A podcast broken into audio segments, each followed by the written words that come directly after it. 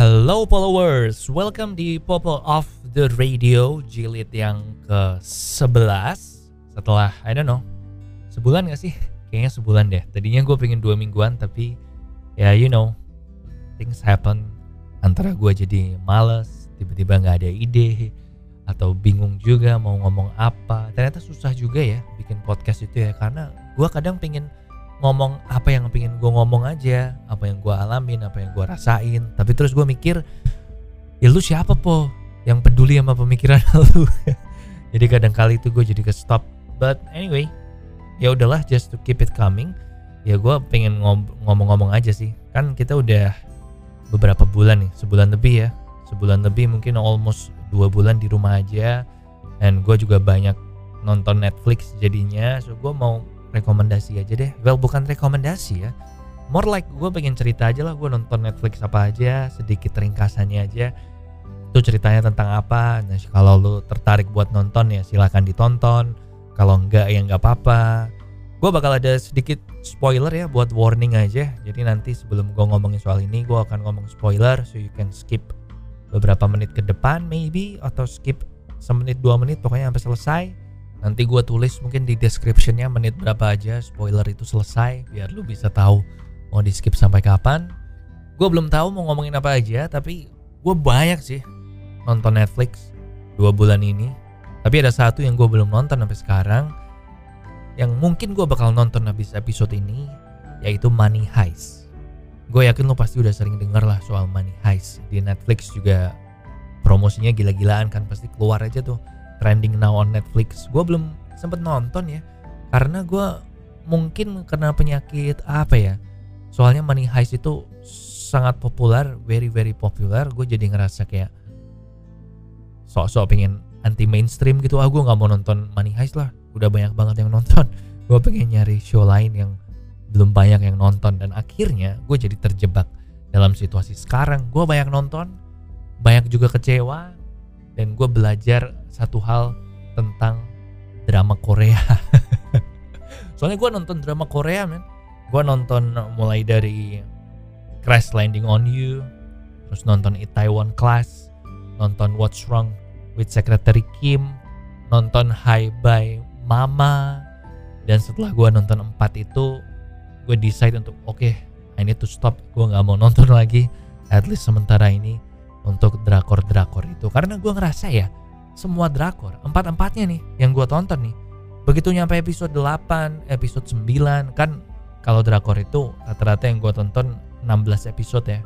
Satu series satu season dan biasanya mereka tamat nggak berseason season itu begitu sampai separuh ke belakang 8 ke atas terus menurun kan kualitasnya semua nggak ada satupun yang gue tamatin. Dari empat show itu cuman well ya gue tamatin semuanya sih. Yang gak tamat cuman Crash Landing. Eh bukan. Yang What's Wrong with Secretary Kim gue udah gak kuat banget itu. Gue cuma sampai episode 14 apa ya. Yang Itaewon Class gue dari 11 ke atas udah kayak oh udahlah pokoknya dikuat-kuatin aja biar selesai. Soalnya itu yang pertama gue tonton. Crash Landing on You juga sama. Terakhir-terakhir udah kayak aduh ya udahlah diberesin lah biar biar bagus. And then yang ketiga gue nonton Sekretari Kim nggak beres.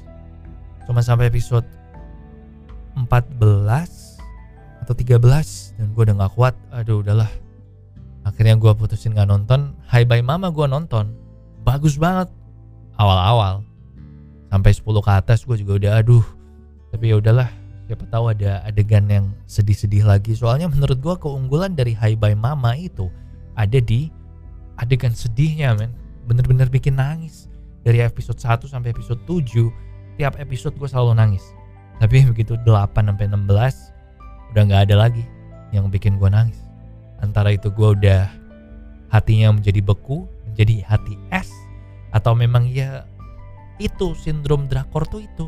Sampai episode 8 9 ke atas gitu udah nggak jelas banget. Teman gue ada yang nonton World of the Merit itu baru nyampe episode 12 kan. Dia juga bilang gitu begitu nyampe 10 ke atas udah ceritanya nggak jelas banget. Tapi dia udah invested udah nonton dari awal jadi dia ya mau nggak mau mesti selesaiin.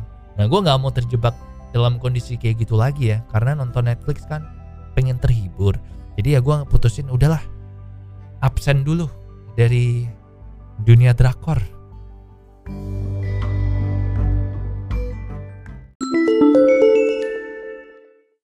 You know kayaknya kalau gue ngebandingin ya dari zaman sebelum Netflix, well sebelum streaming sih actually, kita kan kayaknya lebih komit ya, lebih setia sama satu TV series yang ditonton atau sama ya TV series sih. Soalnya kalau film kan tinggal ke bioskop kan. Cuma kalau TV series atau bahkan pada zaman DVD itu kita lebih komit sama series gitu. Udah beli DVD-nya ya udahlah diselesaikan udah nonton tiap minggu nungguin ya udahlah jangan sampai kelewatan gitu. Nah sekarang di eranya streaming tuh kayaknya enggak loh. Susah tau gak sih buat setia sama satu TV series. Contohnya drakor yang tadi gue udah bilang, wah gue akhirnya nyerah, nggak ngelanjutin. And then gue sekarang nonton, well bukan sekarang sih, tapi gue mencoba untuk menonton The English Game. The English Game itu TV series juga di Netflix menceritakan tentang sepak bola lebih tepatnya pesepak bola profesional pertama di Inggris. Jadi dulu tuh sepak bola adalah olahraga amatir yang dimainkan oleh pabrik-pabrik gitu. Jadi pabrik pertambangan timah, pabrik batu bara, itu mereka punya tim sepak bolanya. Nah, itu yang main FA Cup. Sampai akhirnya ada satu pemain yang pertama kali dibayar yaitu si Fergus Sutter. Dia pertama kali dibayar untuk bermain di tim sepak bola salah satu pabrik. Nah itu jadi kontroversi waktu itu. Nah ini dibikin series di English Game. Cuma 6 episode apa ya? Pokoknya mini series lah. Limited series. Itu gue cuma nonton episode 1 men. Beneran. Gue habis nonton episode pertama gue kayak aduh. Kayaknya not for me deh. Kayaknya gue gak nonton lagi. Terus gue pindah ke Peaky Blinders. Peaky Blinders yang bikin adalah yang bikin di English Game. Menceritakan tentang geng geng di Inggris di tahun 1919 100 tahunan yang lalu di Birmingham. Nah banyak yang suka. Teman gue banyak yang suka. Mereka bilang keren banget. Si Tommy Shelby keren banget tokoh utamanya. Terus gue nonton episode pertama oke okay lah. Gue nonton ini ada 5 season ya. Satu season 6 episode doang. Gue udah nonton sampai season pertama. Episode 3 episode 4 gue nggak tahu gue bakal nonton apa enggak. Karena ya bagus sih. Keren sih. Ada momen-momennya yang keren. Tapi I don't know. Nggak apa ya gue ngerasa itu tuh terlalu diciptakan untuk membuat lu pengen nonton episode selanjutnya. Jadi setiap episode episodenya satu jam nih 50 menit pertama itu nggak ada apa-apa men. I mean ada kejadian-kejadian tapi nggak ada klimaksnya nggak ada yang gue berasa oh gila nih keren nih.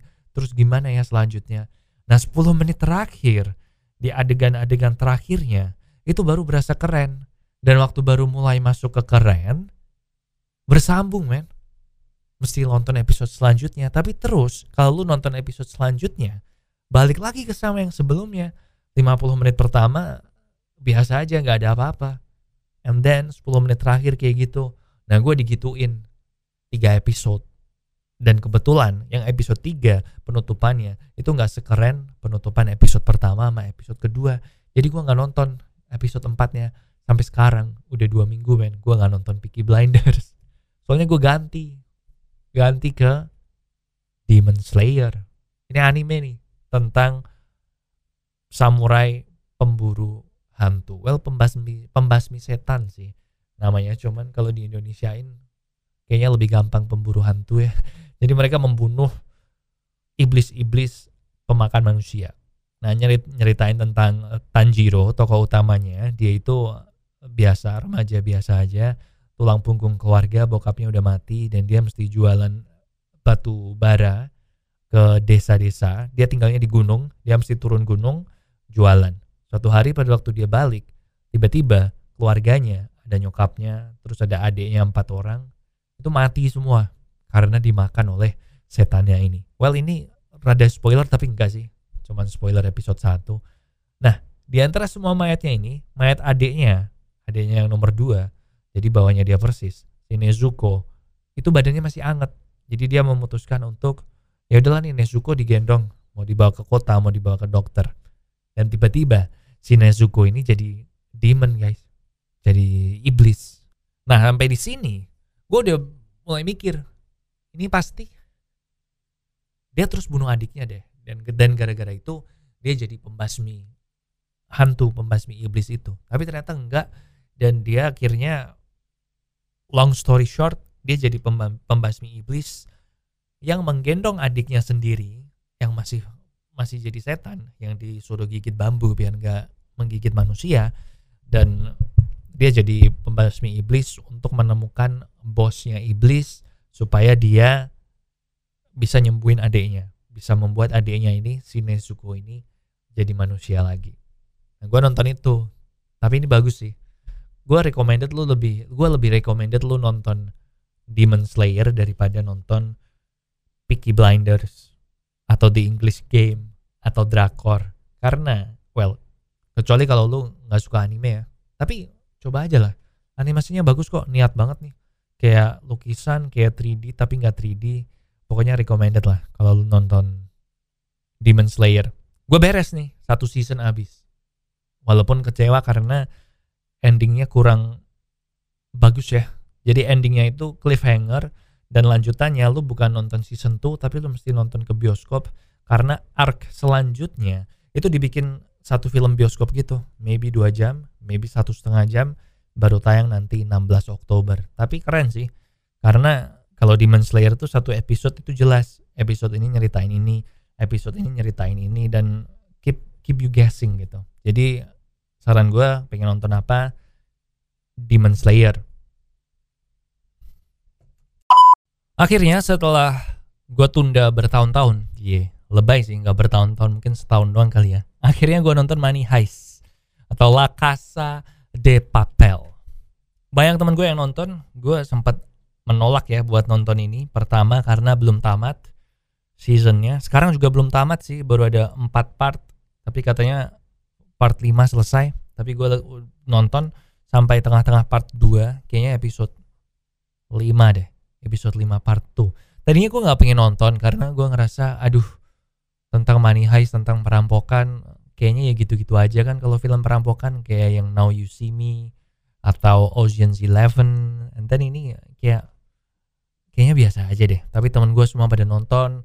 Terus banyak yang kalau lihat topengnya yang dipakai perampokan itu kan populer banget ya. Banyak temen gue yang pakai itu di Instagram di IG story ada banyak. Gue tuh sebenarnya males kalau lagi populer gitu buat nonton. Tapi ya udahlah karena peer pressure ya tekanan teman-teman. Akhirnya gue nonton and surprisingly bagus man recommended sih. Well gue nggak akan memberinya nilai 10 atau 9 tapi 8 solid lah. Dapat nilai 8 lah kalau dari gue nah, Money Heist bagus. Again gue baru nyampe episode 5 di part 2 tapi gue udah langsung nggak suka sama salah satu karakternya yaitu Tokyo. Gila gue nggak suka banget sama Tokyo padahal kalau sama kota Tokyo gue itu suka loh. Jadi Money Heist itu menceritakan tentang perampokan di mana rampoknya ini mereka akan merampok bank atau kantor percetakan uangnya Spanyol di mana mereka akan mencetak sendiri uangnya supaya nggak bisa dilacak. Jadi tujuannya mereka memang merampok itu dan di dalam situ menyandera orang-orang tapi mereka di dalam situ targetnya sekitar 10 11 12 hari biar mereka bisa mencetak uang sebanyak mungkin. Nah, code name-nya mereka untuk teman-temannya atau anggota timnya ini adalah nama-nama kota.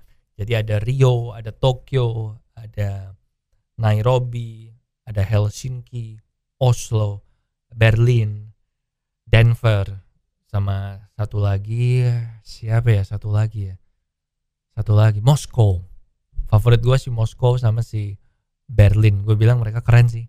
Uh, actingnya bagus dan ya mereka keren lah. Pokoknya gue paling gak suka sama Tokyo. Saran gue kalau lu pengen nonton nonton aja nggak apa-apa kalau Money Heist. Karena Money Heist ini episodenya selang-seling ya. Satu episode satu jam episode selanjutnya cuma 40 menit. Jadi menurut gue keunggulan dari ini adalah mereka nggak terpaku waduh episode ini baru ada 40 menit sisa 20 menit lagi terus mereka panjang-panjangin. Itu enggak. Kalau event episode itu udah selesai ya mereka selesaiin. Again gue baru sampai part 2 ada 4 part gue baru sampai part 2 episode 5 tapi gue kayaknya udah komit sama diri sendiri mau nyelesain deh kalau Money Heist ini kalau La Casa de Papel ini. So itu dia rekomendasi gue so far berarti ada Demon Slayer ada Money Heist terus kalau lu suka dokumenter saran gue lu nonton The Last Dance deh.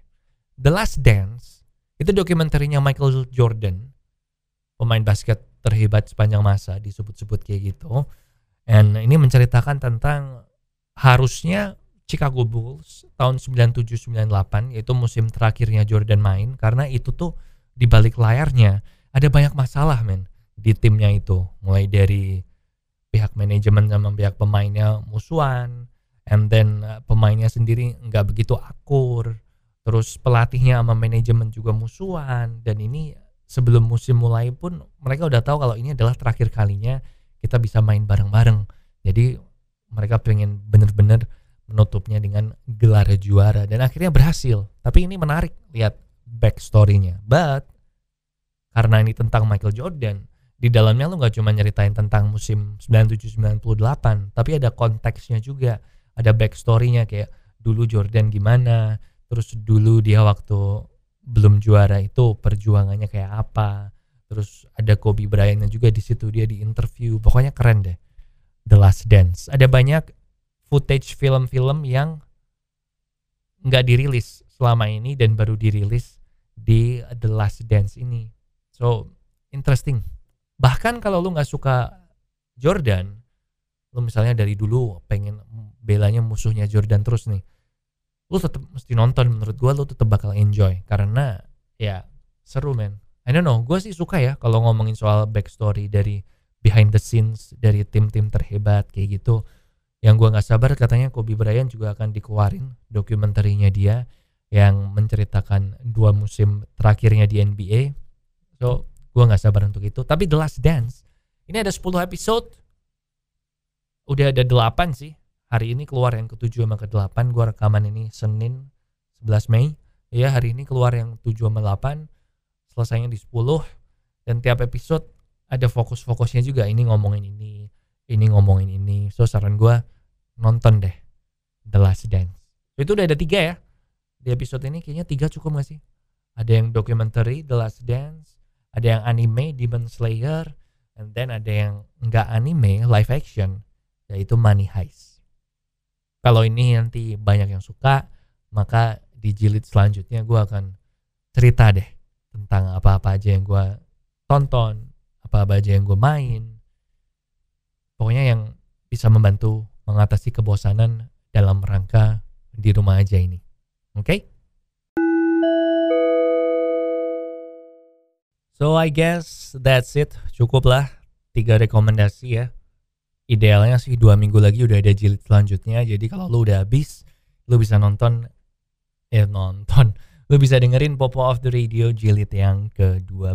Tapi ini jilid yang ke-11 udah selesai gue mau pamitan dulu. Jadi buat recap aja ya, Money Heist, The Last Dance, sama Demon Slayer. Drakor nggak usah tinggalin dulu. Apalagi ya, gue habis Money Heist belum ada bayangan sih mau nonton apa. Jadi kalau lu ada rekomendasi lu bisa sampein lewat DM di Twitter bisa, di Instagram bisa at Popo on Radio. Gue bakal tonton dan gue bakal review juga kalau lu mau ya. Rencana gue high Q yang gue tonton soalnya udah ada yang usul di Twitter untuk nonton Haikyuu gue bakal nonton Haikyuu habis Money Heist and gue bakal kasih review dan sedikit cerita aja Haikyuu itu pokoknya tentang volley anime tentang volley gue nonton hampir semuanya sih lu kalau punya rekomendasi film horor juga oke okay. oh iya gue ada rekomendasi nih horror series horror komedi sih Taika Waititi yang bikin What We Do in the Shadows tapi itu gue nggak tahu di mana mesti download atau streaming dengan cara-cara Anda yang Anda cari sendiri. Oke? Okay? Jangan lupa physical distancing and mulai adaptasi, mulai mikirin tentang the new normal setelah COVID-19 ini berakhir kayaknya bakal benar-benar beda juga sih kondisi normalnya. Jadi mulai mikirin itu dengan tentu aja sekarang tetap jaga jarak, tetap cuci muka, eh cuci tangan, tetap pakai masker dan jaga kesehatan. Oke? Okay? Jangan keluar rumah kalau nggak perlu di rumah aja. And that's it. Di sini Popo Kusan, Popo of the Radio Julid yang ke-11. I'll see you when I see you.